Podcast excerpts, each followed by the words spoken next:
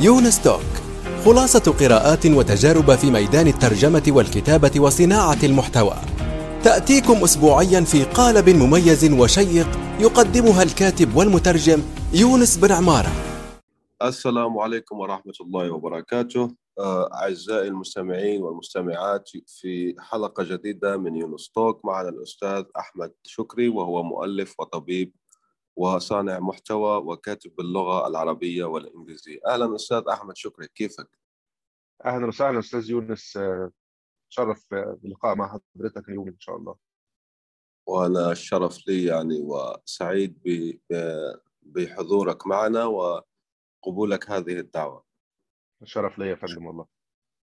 طيب أنا أول مرة يعني تعرفت عنك لأني عادة أحكي في البودكاست كيف تعرفت للضيف وأنا شفت التهنئة آه، تبعك لآن ماري لوكامب يعني هذه آه، آه، شخصية يعني عندها عندها مجتمع رقمي اسمه ناسلاب وهي فرنسية فأنت أعتقد هي يعني خطبت حديثا وكذا فأنت عملت congratulation فأنا دخلت الحساب تبعك ولقيت أنك ما شاء الله يعني كاتب ومحتوى وعندك مجتمع وعندك كتب إلكترونية حول آه، اتخاذ القرارات يعني مسيرة ما شاء الله.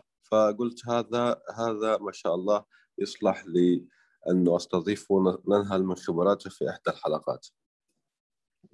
تمام تمام. الله يخليك. طيب آه، أنا في العادة يعني لا أتبع ال- زي ما يقولوا آه، الأشياء النمطية أنه عرفنا بنفسك وكذا بل راح نكتشفها إن شاء الله أثناء إجابتك على الأسئلة الأخرى. طيب فالسؤال الأول هو ما الذي نقلك من الطب إلى صناعة المحتوى؟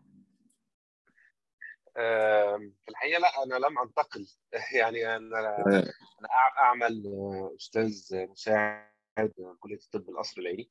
آه، جراحة الكلى والمسالك البولية. ولكن آه، الكتابة آه، يعني أمارسها منذ الصغر آه، كنوع من التعبير عن نفسي آه، وبتظهر بأشكال مختلفة آه، طبقا يعني للمرحلة السنية. آه، تقدر تقول مؤخرا بداية من 2017 آه، بدأت آه، في الكتابة باللغة الإنجليزية. إنما أنا بالأساس أكتب أكتب يعني بال- باللغة العربية. آه، ودي ليها أسباب مختلفة. آه، ممكن أحكي لك القصة إذا سمحت لي آه، هي ممكن ممكن تقول أنا بدأت الكتابة حديثا يعني على الإنترنت من 2005 آه، آه، يعني أنا أنا 44 آه، 2005 مع بداية ظهور التدوين على الإنترنت آه، يعني ك في المرحلة السنية دي كان الكتابة على المدونات اللي هي زي Blogspot وال Blogger وما إلى ذلك. آه، في 2007 آم، قررت إنشاء آه، منصة آه، للتدوين. كان في ذهني ساعتها آه، إنشاء منصة للتدوين المستقل. بمعنى آه، أيامها كنت برضو متأثر من بعد 2003 في البحث عن وسيلة للتعبير للعالم العربي آه، لأن ساعتها كان أيام الانتفاضة في 2003 بعديها كان في أزمة يمكن آه، أزمة ليها علاقة ب- بالتهكم في الصحف الغربية يمكن على الرسول عليه الصلاة والسلام. فكان في الله ذهني فكرة إن إحنا كعالم عربي يجب أن يكون لنا يعني منصة للتعبير. ففي 2007 يعني تواكب آه، ظهور أيضا آه، آه، طرق آه، مختلفة لإنشاء المنصات منها اللي هي ال open source. كان أيامها استخدمت حاجة اسمها ال Drupal. Drupal ده زي الجملة و WordPress وحاجات زي كده وأنشأت ساعتها منصة للتدوين المستقل وسميتها Independent Bloggers كان ساعتها تحت domain name تاخد يعني دلوقتي أو أنا آه، سبت المشروع ده. كانت اسمها e-bloggers e dash bloggers بعد كده e-bloggers dot org انما المشروع ده انتهى مع استمريت فيه لغاية 2010 تقريبا ومع بداية اهتمامي أكثر بالسياسة. آه، وكان ده قبل الثورة آه، 25 يناير في 2011 انشغلت أكتر بالسياسة وكان أصبح ساعتها كتاباتي أكثر في مجال السياسة. وكغيري يعني من الشباب برضه في في مصر يعني انخرطت في العمل السياسي سواء قبل 2011 وبعد 2011 إلى أن يعني في 2016 أواخر 2016 أخذت خطوة إلى الوراء من العمل العام والعمل السياسي. كان من البحث لي عن طريقة للتعبير بشكل أو بآخر فساعتها كان بدأت أمارس رياضة الجري الركض يعني. رياضة الجري كانت واخدها سبيل لي برضه للبحث عن الحرية والكتابة عن تجربة الجري. بدأت بمدونة تغير بقى نشاط التعبير بتاعي من نشاط الكتابة الأساسية إلى كتابة عن رياضة الجري وممارسات نشاط الجري. وكان في ذهني ساعتها إن أنا أطلع كتاب عن الجري بعد عمل مدونه وكنت شايف إن الكتابة بالإنجليزية كنوع من الهروب من الفكري من اللغة العربية من ناحية إن أنا حينما يعني أكتب باللغة العربية كنت أكتب في المجال السياسي وكده فالهروب إلى لغة أخرى قد أستطيع أن أعبر بها بمعاني أخرى ومفردات أخرى بنفس المعنى ولكن في مجال مختلف. مجال الحرية والتعبير عن النفس والذات. وفي فترة الجري دي كنت أستمع إلى البودكاست. وكان أول دخول ليا في الاستماع للبودكاست. البودكاست دي فتحت لي مجال كبير جدا للتعرف على مجالات علمية ما كنتش درايه بها قبل ذلك. منها أكثر التبحر شوية في علوم اتخاذ القرار وال neuroscience وال behavioral science وبعد ما سمعت كثيرا للبودكاست وجدت المحتوى العربي على البودكاست الكلام ده في 2017 كنت من وجهة نظري شايفه قليل نسبة إلى المحتوى البودكاست الإنجليزي.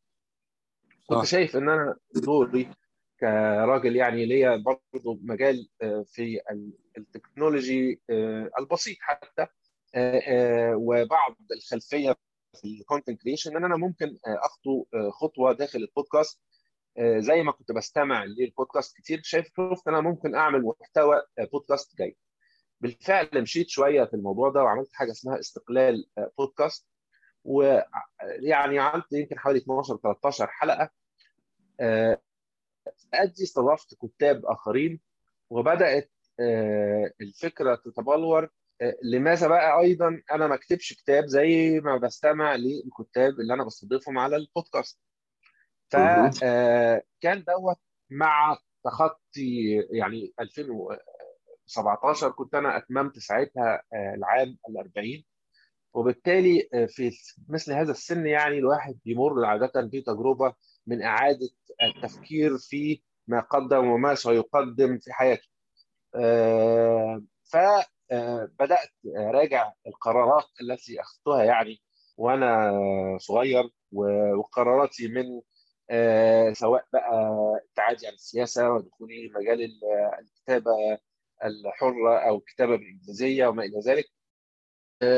وجدت إن أنا أصلا مهتم أصلا بفكرة صناعة القرار وكيفية اتخاذ القرارات ولقيت إن أنا بالفعل طوال حياتي كنت مهتم بهذا الموضوع فتبحرت أكثر في في هذا المجال من من خلال القراءة والاستماع والكورسات وإلى ذلك.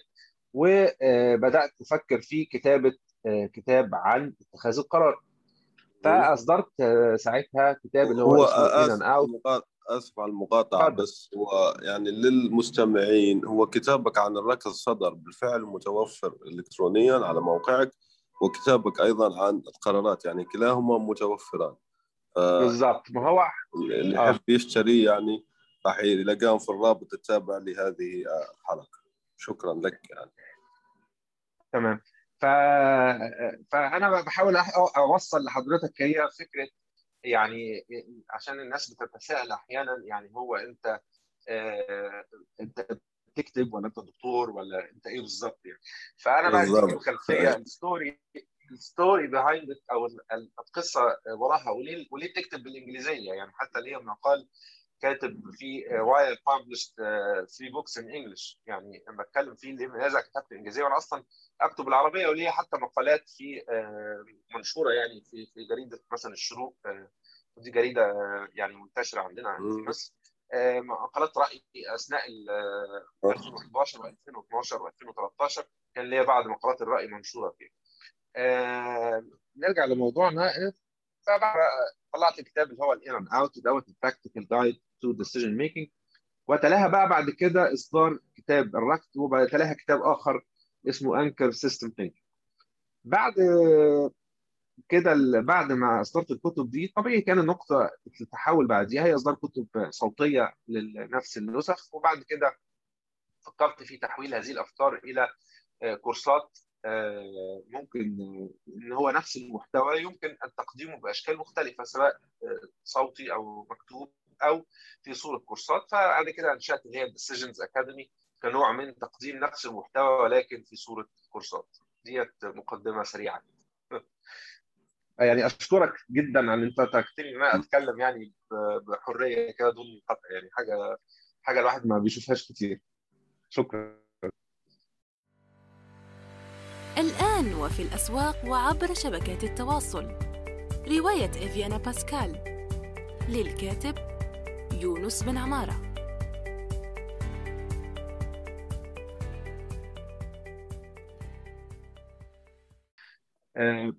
يعني أصدرت ثلاث كتب تباعا وبعد كده كان التطور الطبيعي لإصدار الكتب ديت هي إصدارها في يعني ميديا مختلفة سواء كتاب صوتي أو حتى كتاب يبقى في ورقي. وبعد ذلك تطورت الفكرة إلى تقديم نفس المحتوى في كورسات وأنشأت بعدها ال Decisions Academy كتقديم لنفس المحتوى الخاص باتخاذ القرارات في كورسات. أنا بس حابب أشكر حضرتك إن أنت تركتني يعني إيه أتكلم براحتي وتقديم القصة ما وراء الكتابة. دون يعني قطع. ودي حاجة الواحد ما بيشوفهاش من ناس هوست كتير إن تسيب الضيف يعني يتكلم براحته جدا. شكرا. الله يخليك يا رب. أنا أنت يعني استثرت فيها. يعني هو لم أحي... مرة جبت ضيف يعني وبالفعل كنت مضطر إني قطع فالناس ما عجبها هذا الشيء. فقالوا لي يونس يعني لا تقاطع الضيوف من فضلك لكن أنا السبب اللي أقاطع به الضيوف هو للأسف يعني وجيه. فاحيانا لأنه عندنا وقت محدد جدا وأسئلة كثيرة للغاية. فاحيانا السؤال يكون عنده ثقل كبير يعني يعني تكون الحلقة مركزة عن ثيمة واحدة فقط موضوع واحد. فخلص أنا زي ما حكيت أنت زي ما نقول استمعت للجمهور والآن إن شاء الله أحاول دائما نخلي الضيف هو اللي يحكي براحته زي ما أنت ما حكيت بدون دون مقاطعات إلا في القليل النادر إن شاء الله. شيء جميل تمام. أنت أنت يعني نورتنا ب الله يخليك يا رب. ونحن نتعلم طبعا لأني أنا مش بودكاستر محترف في الحقيقة يعني أنا مبتدئ وهذا الهدف تبع البودكاست هو التعرف لشخصيات مهمة وجيدة ومنجزة زي حضرتك يعني. طيب أنت حكيت أنه ديسيجن أكاديمي هي عبارة عن كورسات وغيرها بس هي هل هي مجتمع يعني هل المشترك فقط يكتفي بشراء الكورسات ولا في يعني بتدخل وانت مثلا لمجتمع مغلق والتقي فيه مثلا مع الناس الآخرين اللي اشتروا كورسات وفيه مثلا لقاءات دورية زي ما عامله ان لور لوكامب مثلا في نسلا تمام. هي زي ما قلنا هي كانت البدايه كانت تجربة تقديم المحتوى في صور أخرى. وإحنا عارف أنت مهتم بصناعة المحتوى ومتابعينك كذلك. فقبل بس ما أخش في النقطة دي خلينا نلتقط قصة البودكاست وتقديمها لأن هي من الحاجات اللي صعبة جدا. و... وأنا تجربتي في 13 حلقة انقطعت أحد الأسباب منها كانت طبعا صعوبة عمل الحلقات. هي عمل البودكاست ده عمل صعب وما هوش سهل والاستمرارية فيه صعبة لأن أنت بتقوم بدور كل شيء. في البداية أنت بتقوم بدور المنتج اللي هو ال producer وال host اللي هو المذيع والاديتنج والببلشنج والديستريبيوتر والماركتنج فده مسألة صعبة. عودة بقى إلى نقطة اتخاذ القرار وال Decisions Academy هي زي ما قلنا أنا قدمت بعض محتوى الكتب بتاعتي في صورة كورسات وأنشأت بالفعل community مغلق من الممكن يعني إن الناس تنضم لي من خلال نفس الأكاديمي. ولكن صراحة يعني لم أنجح في خلق المجتمع ده بشكل متفاعل أو يكون في تفاعل دايما. ولأن إنشاء المجتمعات ديت أونلاين من الحاجات الصعبة جدا. أنا كان ليا تجارب قبل كده زي ما قلنا في 2007 في عمل اللي هي ال independent bloggers ديت وكان منها إن أنت تعمل زي زي صحافة شعبية والناس تلقط الخبر وتحطه بنفسها و و وكان غرضها إن يبقى في برضه مجتمع ولكن ما وفقتش. وكان في ليا محاولة أخرى برضه عمل كنت أنا مؤمن دايما إن المستقبل لل niche networks أو الشبكات المتخصصة. يعني يبقى عندك شبكة للأطباء شبكة للمهندسين شبكة للمحامين شبكة وده بالفعل تحقق بعد ذلك. ولكن إنشاء المجتمعات ده بيحتاج مجهود بيحتاج ممكن أفكار كتير. وده يمكن ووقت كبير للمتابعة وتحفيز زي ال groups الفيسبوك كده يعني في groups ناجحة جدا بيبقى ال moderator فعال ومتفاعل مع الناس بشكل كبير. ولكن أنا من خططي إن هو تطوير الأكاديمي ديت إنها تبقى زي فكرة Ness Labs ديت إن يبقى في هي مركزة على اتخاذ القرار. أنا مش محترف معلم اتخاذ القرار ولكن أقدم تجربتي مما تعلمته وخلق المجتمع ده وخلق الأكاديمي دي كي أتعلم ولا أعلم ما تعلمت.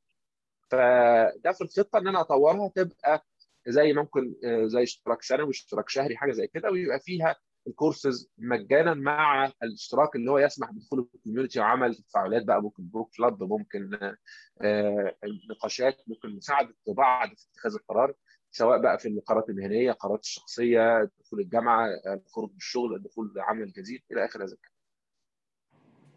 تمام جدا. بخصوص يعني اتخاذ القرار واللي لن نطيل يعني. فيه فقط أنا عندي سؤال واحد لأني قرأت خبر في عن موضوع يعني بيل جيتس فقال لك بيل جيتس لما حب يتزوج ميليندا يعني طليقته الآن فقال لك في 1994 بالضبط فعمل تلك المنظومة تبع اتخاذ القرار تبع البرو كونز يعني السلبيات والإيجابيات. ثم رجحت الايجابيات على السلبيات فاتخذها. يعني طبعا نحن رأينا نهاية ذلك وكذا. فالآن هذه أبسط ما, ما لي صيغة يعني لاتخاذ القرارات وأنك تعمل إيجابيات الشيء وسلبياته وتوازن بينهما ثم تتخذ قرارك بناء على ذلك. طبعا في ممكن ماتريكس أخرى يعني منظومات أخرى وأشياء طبعا أنت أدرى بهذا الموضوع وأكثر خبرة يعني فيه. كيف نتخذ قراراتنا لكي لا نندم عليها لاحقا؟ آه يعني لو كان الإجابة سهلة ما كانش العلوم دي كلها حصلت. آه ولكن آه يعني أنا بفضل دايما في القرارات الكبيرة يعني ال big decisions إن يبقى في تأني ويبقى في أنا أرى في في القرارات الكبيرة يجب يجب التأني ويكون ما هناك ما يسمى بال decision sheets أو أوراق لاتخاذ القرار. المنطلقات أهم حاجة تبقى فاهم أنت فاهم نفسك قبل ما تاخد أي قرار كبير. يجب أنت تبقى فاهم نفسك بالأساس هي دي أهم حاجة. يعني فاهم منطلقاتك إيه إيه ال values إيه القيم اللي أنت منطلق منها إيه المبادئ اللي أنت بتستند عليها. دي أهم شيء. لأن أنت خسارة الحاجات القيم الكبيرة ديت في قرار بتاخده في الأغلب هتندم أو هترجع فيه لو أنت كنت كروست أو تعديت أحد قيمك أو أحد مبادئك. ففي خط أولي كده أنت لازم تبقى عارف فاهم نفسك الأول. وده محتاج وقت كبير كل منا إن هو يعمل زي يعني ريفلكشن أو تفكر في وفهم لنفسه عشان يبقى فاهم المبادئ التي يستند عليها والقيم التي ينطلق منها. ده بالنسبة للقرارات الكبرى. يأتي بعد ذلك بقى فكرة اللي هي هناك أدوات زي decisions tools أو decision models أو mental models تساعدك في يعني عمل framework كده للمشكلة أو إطار اللي مساعدتك لحل المشكلة. منها ال decision tool اللي هي ال balance sheets أو اللي هي ال pros and cons لأي حاجة آه، أو ال matrix اللي بتستخدم برضو بشكل مختلف أو tables consequence tables أو أو آه، دي كلها tools لمساعدتك فيها لكن أنا بالاساس أرى إن أنت قبل ما القرارات الكبيرة لازم تبقى فاهم مبادئك وقيمك اللي أنت بتستند عليها عشان تقدر آه، تاخد قرار كويس. تمام جدا ممتاز. طيب عودة إلى صناعة المحتوى لأنه قلنا يعني لن نطيل في موضوع اتخاذ القرارات آه، آه، حضرتك عندك يعني نشرتين بريديتين بالإنجليزية. أعتقد واحدة اسمها Solo Creator والأخرى تبع القرارات. آه،. أظن. أيوه أيوة. طيب. وعندك أيضا زي ما حكيت أنت بودكاست من قبل وتجربة كبيرة في التدوين ما شاء الله عليك وحساب طبعا تويتر لا يستهان به. يعني عندك ما شاء الله عدد متابعين أيضا هناك. فطيب بشكل عام يعني هذه هذه زي ما نقول الأصول الرقمية اللي عندك. طيب أنت كيف تديرها؟ يعني كيف تجد الوقت إضافة إلى أنك طبيب؟ نعرف يعني أنه عمل طبيب لوحده مزدحم يعني. فكيف تجد وقت لصنع المحتوى وإدارة هذه الأصول الرقمية؟ صحيح.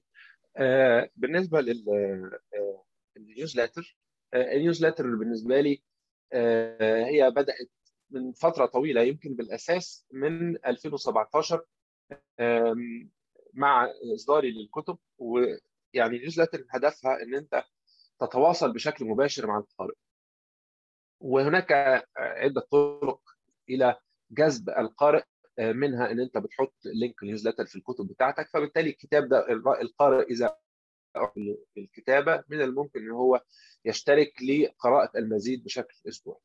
آه، طبعا كتابة newsletter كأي شيء آه، محتاج متابعة آه، أمر صعب. ولكن أنا مؤخرا يعني مع بداية 2020 يعني قررت إن أنا أركز أكثر وأن أصدرها بشكل أكثر ريجولر أو في متابعة أكثر إن أنا يبقى أسبوعي. نجحت في أول عام 2020 إلى تقريبا منتصف 2020 في إصدارها بشكل دوري. ولكن من منتصف 20 لأوائل 21 لم تكن بنفس الانتظام. ومع بداية 2021 آه، رجعت تاني بالانتظام إن هي تبقى أسبوعية وجعلتها أكثر آه، عملت إعادة branding ليها إن هي تبقى بدل ما تبقى مني شخصيه سميتها Life and Work Life and Work هدفها إن أنت تصدر يعني هتكلم هتقول فكرة واحدة عن كيفية اتخاذ القرار بشكل أفضل في الحياة أو العمل. ان انت تعملها آه، مبسطة ومحددة وصغيرة دي هتساعدني أكتر إن أنا ألتزم بإصدارها بشكل دوري وكذلك بتعود القارئ إن هو يجدها في صندوق البريد الإلكتروني بتاعه بشكل دوري. فهي فكرة أسبوعية دي مش صعبة خاصة إن أنا اوريدي عندي المحتوى كاتبه ومفكر فيه قبل كده فكتابة فكرة أسبوعية آه، عن كيفية اتخاذ القرار بشكل أفضل في الحياة أو العمل اسبوعيا مش صعبة. أما على ال Solo Creator ده ال Solo Creator الكلام دلوقتي على فكرة آه، آه، يعني ال creators economy أو اتكلموا على ال passions economy وإن ال content creators دولت بيمارسوا عمل يحبوه إن هو المستقبل لصناعة المحتوى وإن كل واحد يبقى له آه، دخل سواء أساسي أو دخل جانبي بيسموه side hustles أو عمل جانبي إن هو آه، يتم إنه ياخد فلوس من حاجة زي كده. فأنا كلمة creator دي جاية من كده وده ال Solo Creator إن كلنا معظمنا بيبدأ العمل كصانع محتوى فردي. يعني حضرتك أعتقد إنك بتقوم بعمل البودكاست ده بعمل فردي مش عمل فيه وبالتالي أنا آه. قلتها أعلى درجة أعلى من صناعة الكتابة بس إن أنا أطلع درجة فوق يعني meta كده جوه وإن أنا أكتب ما وراء صناعة المحتوى. يعني زي ما بيكون في newsletter بتتكلم عن اتخاذ القرار وأفكار آه، أنا بحبها.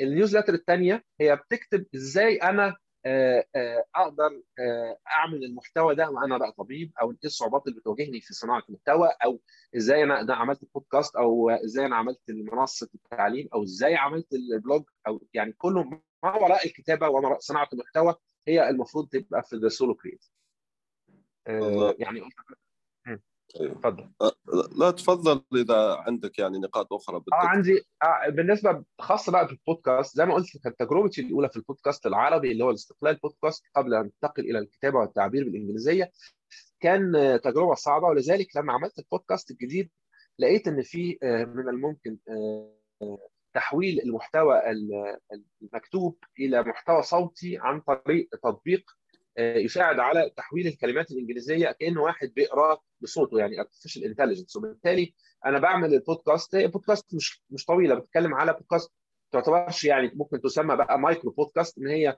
الحلقة تبقى ثلاث دقائق عبارة عن المقال آه، آه، مقال من المقالات بي- بيتكلم عن برضه فكرة واحدة في كيفية آه، صناعة القرار بشكل أفضل في الحياة أو العمل. وبالتالي هي أنت عندك newsletter اسمها Life and Work newsletter ومعاها بالتوازي Life and Work podcast فمجهود عمل البودكاست حاليا بالنسبة لي آه، مش بياخد مجهود كبير. ممكن في 10 دقائق أكون عامل بودكاست من خلال آه، تحويل ال- الكلام إلى آه، صوت وعمل editing بعض ال editing ووضع المقدمه ووضع النهاية ووضع ال- المزيكا والفواصل. ويطلع حوالي مايكرو بودكاست حوالي ثلاث دقائق بيتم إصدارهم أسبوعي بالتوازي مع ال newsletter فدي ما بتاخدش وقت كبير. وزي ما قلت العمل العمل المنتظم انت كل ما بتكتب كل ما ايديك بتاخد على الكتابة والافكار بيتم يعني بيحصل إرسال فيها يعني استرسال فيها وزي ما قلنا المحتوى already جزء كبير منه حاليا موجود فأنا باخد منه وبأصدر الأفكار ديت بشكل متوازي. طبعا العمل كطبيب full time مش حاجة سهلة وبالتالي أنا عادة بعمل يا إما في الصباح الباكر يعني قبل ما أنزل ممكن الصبح بدري أو في الأجازات الخميس مثلا بالليل قبل يوم الجمعة اللي هو عندنا إجازة في مصر ممكن الخميس بالليل أشتغل عليه شوية أو يوم خلصت شغل بدري أقدر أعمل كده. وساعات بعمل scheduling in advance يعني أعمل أكتر من محتوى آه، بنسموه بن- بيتم يعني ممكن تسميها إيه batch work يعني. تروح واخد إيه كاتب مقالتين ثلاثة ومحولهم لكذا newsletter ومحولهم لكذا آه، بودكاست حلقة. وتعمل scheduling في المستقبل. يعني في رمضان تقريبا أنا ما اشتغلتش خالص كنت عامل كل دوت آه، كل جمعة بتصدر الحاجات دي تلقائيا آه، من بدري كنت مخلصها قبل رمضان تقريبا كل الأعمال دي. طيب تمام جدا. آه، أنت عندك تجربة يعني في إصدار الكتب الرقمية وبيعها على منصة آه، جمرود طيب خلينا نسلط الضوء على هذه آه، التجربة بالذات. يعني أنت كيف نسقت الكتاب داخليا؟ يعني مين اللي صمم عندك حتى آه، يعني أغلفة حلوة التصميم هيك و- واحترافية وكذا. يعني احكي لنا على الكواليس حتى للمبيعات. هل يعني وأجبنا عن هذا السؤال يعني هل كل هذا الجهد يستحق أم لا؟ هل في أمل أن واحد مثلا بارع الآن في الكتابة بالإنجليزية؟ أنه يعمل له كتاب أو كتابين آه، ويحطهم على Gumroad ويعني ويكسب منهم يعني حتى مكاسب لا بأس بها بالنسبة للعالم العربي. كويس آه، سؤال جميل جدا وهكون في في قمة أو الصراحة ال- أنا بسميها ال radical honesty أو الصراحة ال- المطلقة الله آه، يخليك. يعني هي خلينا نبتدي في صناعة الكتاب الدورة اللي بيمر بيها ونتكلم بعد كده على المبيعات وبكل صراحة بالأرقام هقولها لك. آه، أول حاجة آه، صناعة ال- الكتاب هو آه، هي بس السؤال اللي لازم يسأله أي كاتب هو أنت ليه بتكتب أصلا؟ يعني أنت بتكتب عشان عايز تعبر عن نفسك ولا عايز تكسب فلوس وإيه أهدافك؟ ووضع الأهداف ده بيبقى مهم عشان لما توصل للهدف ده أو ما توصلوش تبقى عارف أنت إيه النجاح لأن النجاح ده مفهوم واسع جدا. فأنا كان في الأول كان هدفي إن أنا آه، كان نفسي آه، بشكل صريح إن أنا عايز أصدر كتاب أعبر عن نفسي وفي نفس الوقت حابب فكرة كلمة best selling author إن أنا أحصل على هذا اللقب أو إن أنا أشوف إزاي بيتعمل. يعني كان شددني فكرة إزاي إن أنا أقدر أعمل كتاب آه، يبقى بست سيلر فعلا. فلما دخلت. في الصناعة ديت في البداية كانت إن أنا عبرت بالكلام اللي أنا عايز أكتبه بشكل حر وتلقائي. وكتبت مسودة. المسودة ديت مثلا في الأول كانت حوالي 5000 كلمة آه، أرسلتها لأحد الأصدقاء وبعد كده رجعها لي بعد كده بقت 10000 كلمة.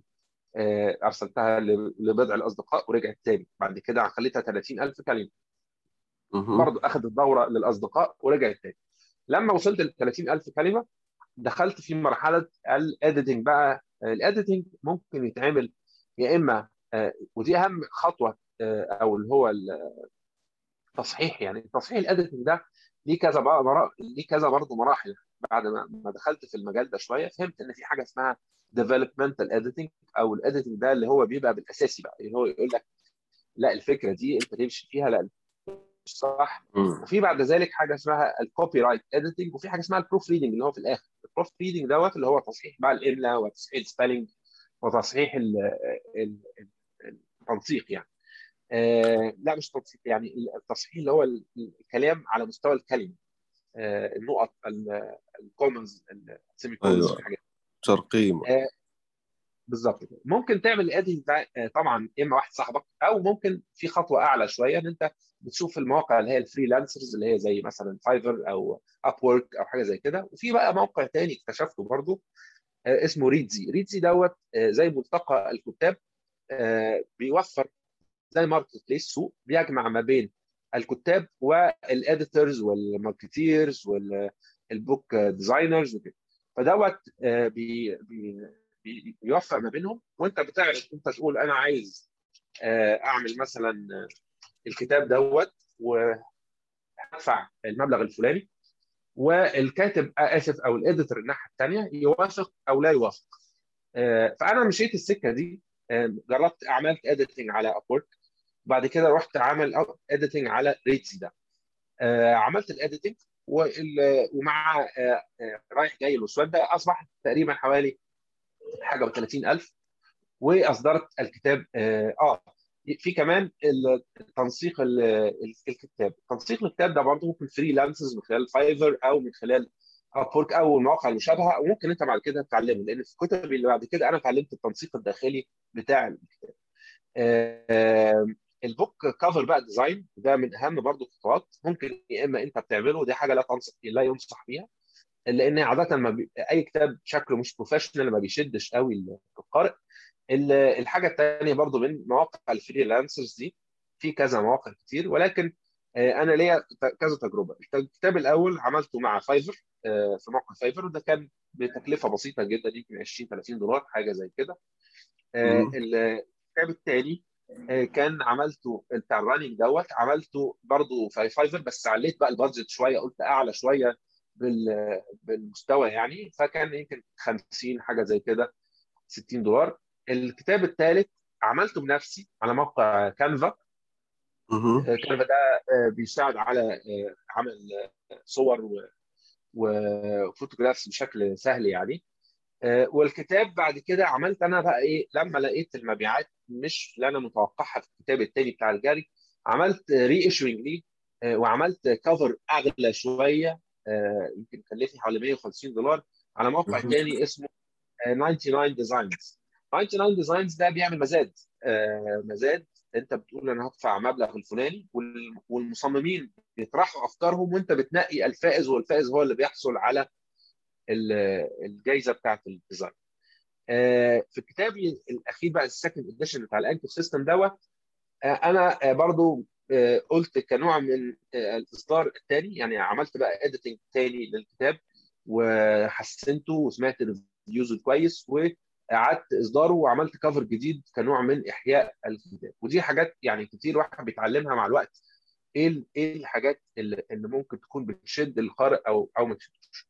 آه، لو هنتكلم على المبيعات آه، أقدر أقول لك ك revenue ك revenue آه، عملت مبلغ مش بطال يعني ممكن يقدر ببضعة آلاف دولار ولكن ما شاء الله. ك- ك revenue آه ده بس ده مم. revenue يعني آه، مش مش صافي ربح لأن أنت. آه، آه، صافي ربح ممكن مئات الدولارات مش آلاف الدولارات آه، لأن أنت في تكلفة صناعة ال editing والحاجات دي وفي تكلفة ال- الإعلانات هي المشكلة أنت ممكن يكون عندك كتاب كويس جدا بس ما حدش هيقراه لأن ما حدش يعرفه أو ما عليهوش reviews ما حدش عايز يقراه. فأنا لو اخش. على الامازون بت compete مع ملايين الكتب. ملايين الكتب. فأنت عشان أنت ممكن 6 7 8 مليون ما أعرفش رقم كبير جدا. فأنت عشان ت compete أو تنافس هذه الكتب لازم يكون إيه إيه من كل خطوة فيها احترافية سواء design ال cover سواء ال description أو ال bio ال blurb بتاعه اللي هو المكتوب لما تخش تقرأ عن الكتاب الكتاب ده محتوى إيه؟ الكتاب شخصيا. لو كتاب فاشل مهما عملت وصرفت عليه مش هيبيع. الحاجة الثانية ال reviews. ال reviews دي عشان تخلي واحد يقرأ على فكرة ويكتب لك review صعبة جدا حتى لو قريبك وصاحبك. لأن الأمازون شخصيا عامل ضوابط القصة دي. يعني أنا مثلا لو مراتي دخلت كتبت review الأمازون لا يقبله لأنه بيعرف من خلال ال credit card وخارج من خلال عنوانك ان ما ينفعش إنك تحط review الأمر الثاني إن هو الأمازون كمان بيحط اشتراط إن أنت يجب يكون اشتريت من أمازون باكثر من 50 دولار في فترة قريبة عشان يسمح لك. لأن هو كان في ناس بتعمل بت crack the system أو إن هي بتلاعب ال system بتاع الأمازون فأنا ممكن مثلا أدفع 100 دولار ل 100 معايا فلوس كتير وأروح حاطط 100 review يقدروا يدفعوا الكتاب ده. الأمازون بقى بيحارب ال fake reviews دي. وبالتالي عمل review حقيقي من الحاجات الصعبة جدا. فتاني أنت بتصرف كتير. بالنسبة لي أنا صرفت كتير وكسبت كتير بس ك... كربحيه مش كبيرة لأن أنت في مصاريف بقى إيه أخرى سواء في ال marketing في ال editing في الدعاية في مصاريف حتى الموقع بتاعي مصاريف ال... يعني في مصاريف خلفية. ولكن أنا بحب ال... بحب الكتابة. ويعني بالنسبة لي حاجة مهمة جدا في حياتي وبالتالي يعني ممكن أخسر عشان أكتب. ما عنديش مشكلة يعني. ف يعني سريعا كده لو لو تقدر بس لو عندك سؤال أكثر تفصيلا هسمح لي إن أنا أتكلم أكثر يعني. لا لا مش مشكلة. عندي فقط سؤال من ناحية أيهم أكثر مبيعات؟ هل هو تبع القرارات أم الجري؟ لأنه أنا يتهيأ لي أنا شخصيا يعني لو بدي أشتري راح أشتري تبع الجري. يعني. وطبعا راح أشتريه يعني بعد الحلقة تماما راح أشتريه فعليا ومن كامرود لأنه هو فعلا آثار اهتمامي. ليش آثار اهتمامي؟ أقول لك يعني ليش كقارئ ممكن هذا تفيدك يعني بشكل عام؟ لأنه أنا عندي اهتمام أصلا بالجري في الحقيقة المشي بس حتى ال jogging يعني الجري ركز عندي اهتمام به لأنه الكاتب عندي كاتب مفضل اسمه هاروكي موراكامي أيضا عنده كتاب عن الجري بشكل خاص لأنه يجري بشكل يومي ويكتب والجري والكتابة يعني لها علاقة كبيرة زي أنت ما تعرف يعني مع بعض. يعني أنت أصبت الحقيقة وأصبت الهدف بشكل كبير. يعني أنا طبعا الكتاب اللي أنت بتتكلم عليه ده أنا قريته ده اسمه about I talk about when I talk about running. كتاب جميل جدا. بتاع هاروكي موركامي دوت. تحفة. وكان أحد ال... يعني زي ما بنقول إيه أنا استلهمت برضه فكرة إن يعني بعض الطريقة اللي هو كاتب بيها عجبتني جدا. طبعا إنك تشتري كتاب لا أنا هبعته لك ببلاش ما تشتريش حاجة. لا أنا أشجع. شوف أنا ذكرت آه. هذا لسبب وجيه. أنا أشجع على يعني دعم صناع المحتوى المستقلين زي أمثالك. أوكي أنا ذكرته على عمد وكنت أيوة. حبيت يعني أدعو الجميع أيضا إلى إلى شراء هذا الكتاب. فشكرا بارك الله فيك يعني ما تقصر. بس هذه يعني إيماءة عرفان بسيطة جدا. وأيضا أنا بدي أقرأ الكتاب فعليا يعني أشكر. أريد قراءته ودفع ثمنه نظير ذلك.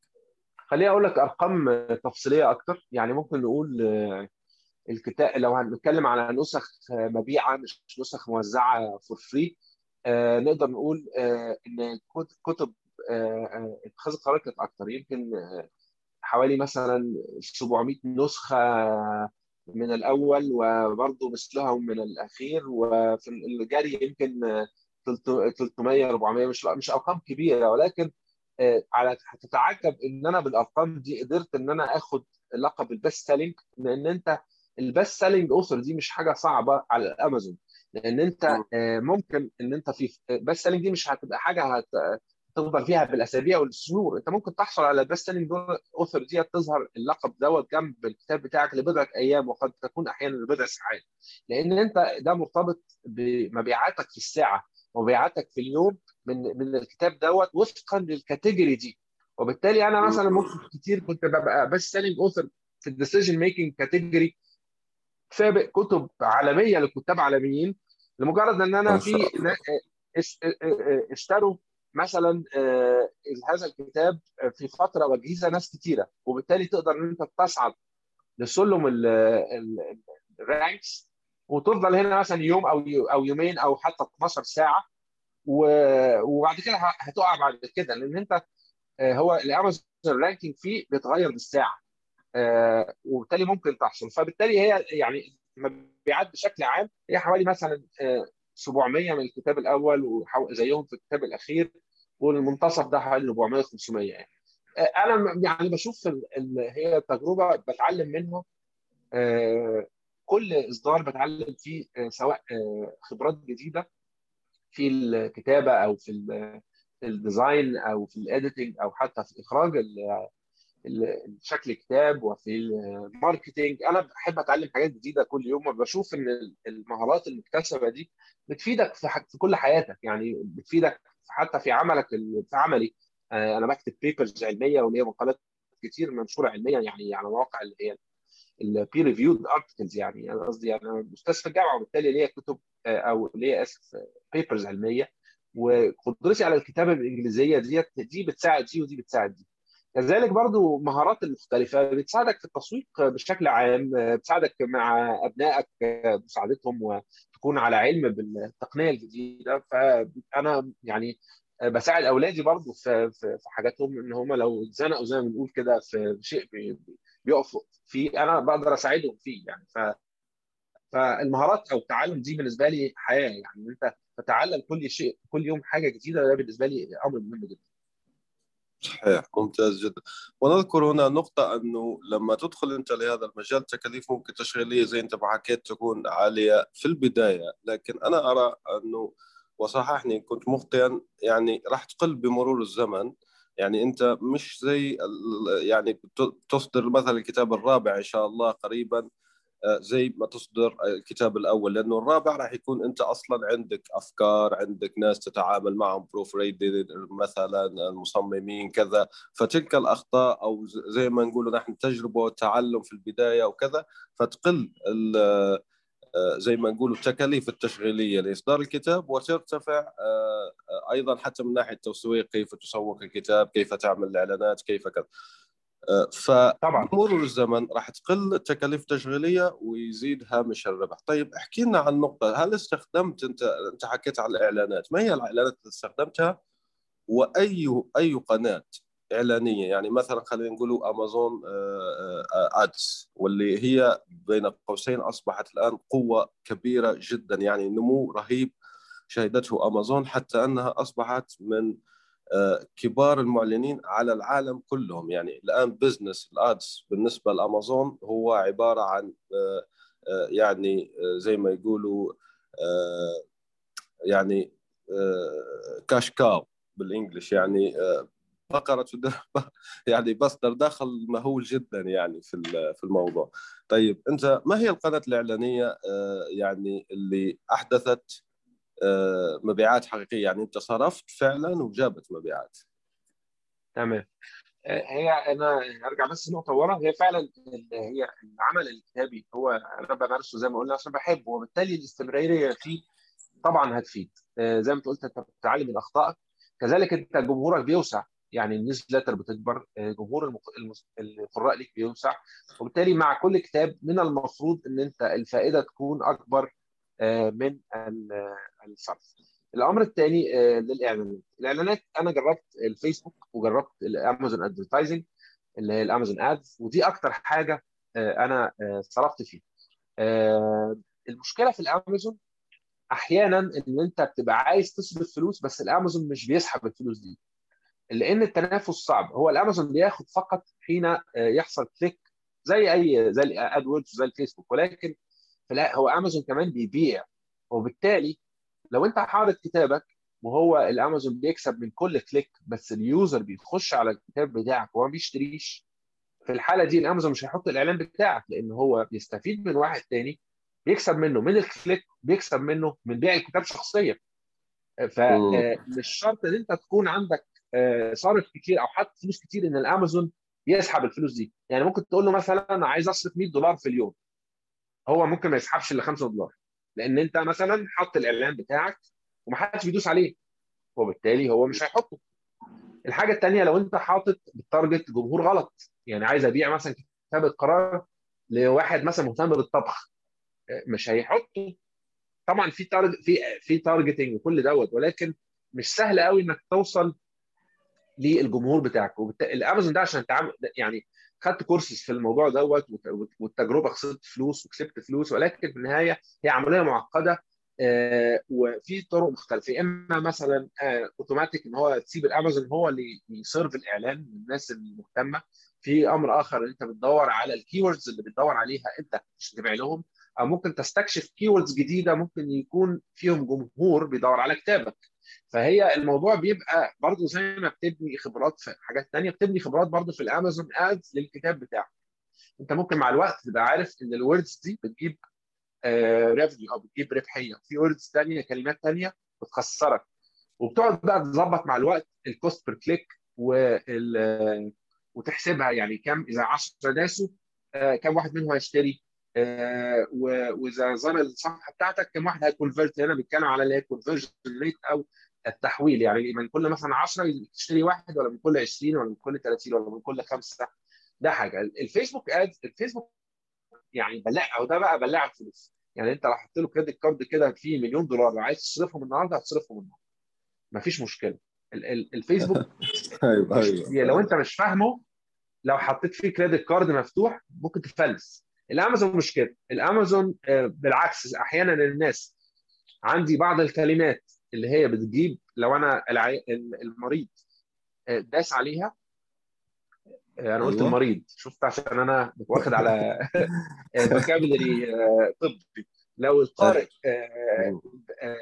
داس على ال click واشترى مثلا وبالتالي مثلا إن ال conversion عالي جدا ممكن أنا الامازون مش عايز ي serve الكلمة بتاعتي لأن في ناس ثانية بت compete أو ان هو يمكن القارئ ده مش كتير الجمهور ده مش كتير اللي بيدور مثلا عن آه واحد بيجري من مصر يعني كم واحد ما ممكن يكون قليل جدا. وبالتالي مش مش شرط إن أنت يكون عندك أحيانا كلمات بتجيب ربحية إن هو الأمازون يسيرف ولكن الفيسبوك بقى مش كده الفيسبوك زي ما بقول لك كده خطر. لو أنت مش عارفه ممكن تخسر فلوس كتير جدا. وبالتالي دايما في أي إعلانات النصيحة اللي بقولها للناس إن هي بالتجربة وبحملات إعلانية صغيرة ببادجت صغيرة بيجرب ويعمل زي اللي هو ال A/B testing كده اللي هو أنت مثلا بتجرب إعلان بصورة معينة وإعلان تاني بصورة أخرى وتشوف دوت هيجيب قد إيه وده هيجيب قد إيه وتشوف ال conversion rate هنا وال conversion rate هنا وبناء عليه تبتدي ت scale بعد كده أو تتوسع. إنما أنت ما ينفعش بلاش يعني حد يخش في قصة الإعلان دي قبل ما يقرأ والحاجات موجودة على الإنترنت كلها ببلاش يعني التعلم ده كله موجود ببلاش. و أيضا أنت ذكرت يعني في معرض حديثك من قبل أنك حتى لو كتبت كتاب عظيم ودون يعني تسويق وإعلانات فلن يسمع به أحد فالإعلانات في الحقيقة أصبحت ضرورة في في هذا الوقت وليس ترف فلهذا نحن حكينا عنها بنوع من التوسع في هذه النقطة. طيب أعتقد وصلنا لنهاية الحلقة ونختم بنصائحك للسولو كرياتور زي أنت يعني ما معنون نشرتك البريدية والتي أدعو طبعا الجميع راح أحط روابط لنشرتك البريدية وموقعك الرسمي وحسابك في تويتر. طيب أعطينا نصائح لصانع المحتوى المنفرد أو المستقل الوحيد يعني كيف يبدأ كيف يطور جمهوره؟ يعني نصائحك العام من واقع خبرتك الممتدة ما شاء الله. يعني بشكل عام هو مهم يبقى عارف هو في في في صناعة المحتوى ليه يبقى فاهم تاني المنطلقات بتاعته عشان ما يقاش في السكة. يعني لو أنا حاطط عايز متخيل إن أنا هخش بكرة أعمل كتاب وأكسب فيه مليون دولار أبقى واهم. هو مهم جدا يبقى عارف هو داخل المهنة دي ليه أو أو أو أو الهواية أو الصناعة دي ليه منطلقاته داخل ليه ومحدد أهدافه بشكل واضح. ان هو يحط أهداف مش كبيرة زي ما بنقول سمارت جولز تبقى يقدر إن هو يوصل لها محددة بخطة زمنية. إن هو الاستمرارية الاستمرارية دي أهم شيء. المثابرة إن هو يعني وما يحبطش لأن هو لو عارف رايح منطلق من إيه ورايح فين مش المفروض إن كلام الناس يأثر فيه. آه، تاني حاجة آخر حاجة ممكن أقول لك إن هو آه، كل شيء موجود على الإنترنت ببلاش آه، والعلم موجود ولكن آه، يعني عايزه بس اللي اللي يبحث ويتعلم والإرادة عشان يقدر يكتسب هذا العلم. إنما كل آه، فكرة إزاي تعمل إعلانات إزاي تكتب إزاي تنشئ موقع إزاي إزاي تنشر الكتاب كل ده موجود هي بس وكل شيء بالعلم. يعني لو اتخذت الخطوات آه، المتتالية المتتابعة بشكل علمي هتصل للي انت عايزه. آه، يعني نقدر نقول نلخصها كده تحديد المنطلقات المثابرة العمل العلمي. بس.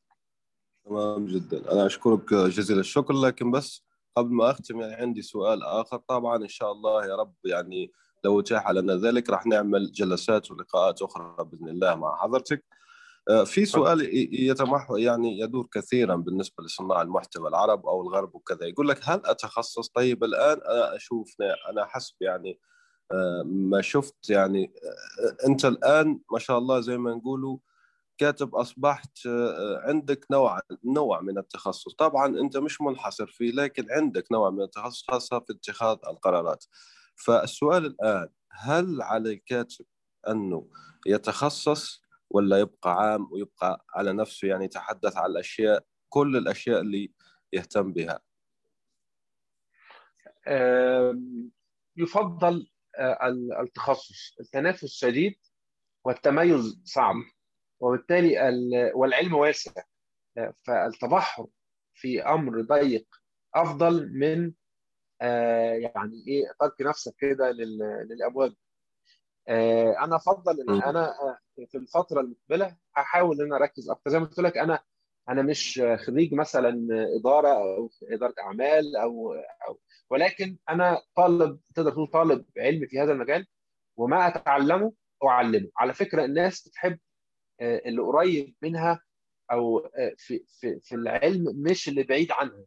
يعني أنا ممكن أستمع لواحد آه، تجربة تكون شبيهة ليا أتعلم منه أكتر بكتير من واحد تجربته أعلى مني بكتير لأن ممكن يكون الكلام فوقي ما ما أحسوش. إنما لما يكون ناتج عن تجربة ذاتية تجربة تعلم حقيقية ممكن يكون أقرب. وبالتالي أنا أفضل التخصص ونقل ما تتعلمه لغيرك آه، بكل شفافية ده هيكون آه، يعني أقصر طريق للوصول للناس. صحيح. آه، أشكرك مرة أخرى أستاذ أحمد. شكري. يعني أخذنا من وقتك وتكرمت علينا بهذه الحصة. أشكرك جزيل الشكر. وأشكركم أيضا مستمعي ومستمعاتي الأعزاء لحسن الاستماع والإصغاء. ألقاكم في لقاء آخر إن شاء الله. ابقوا معنا وشاركوا هذه الحلقة مع أحبابكم وأصدقائكم. سلام. شكرا. سلام عليكم. نأمل أن يكون موضوع هذه الحلقة قد نال استحسانكم. انتظرونا في الأسبوع القادم ولا تنسوا مشاركة الحلقات والاشتراك بالبودكاست. علما أنه بإمكانكم مراسلتنا باقتراحاتكم للتحدث عن أي موضوع يتعلق بالكتابة والترجمة وصناعة المحتوى.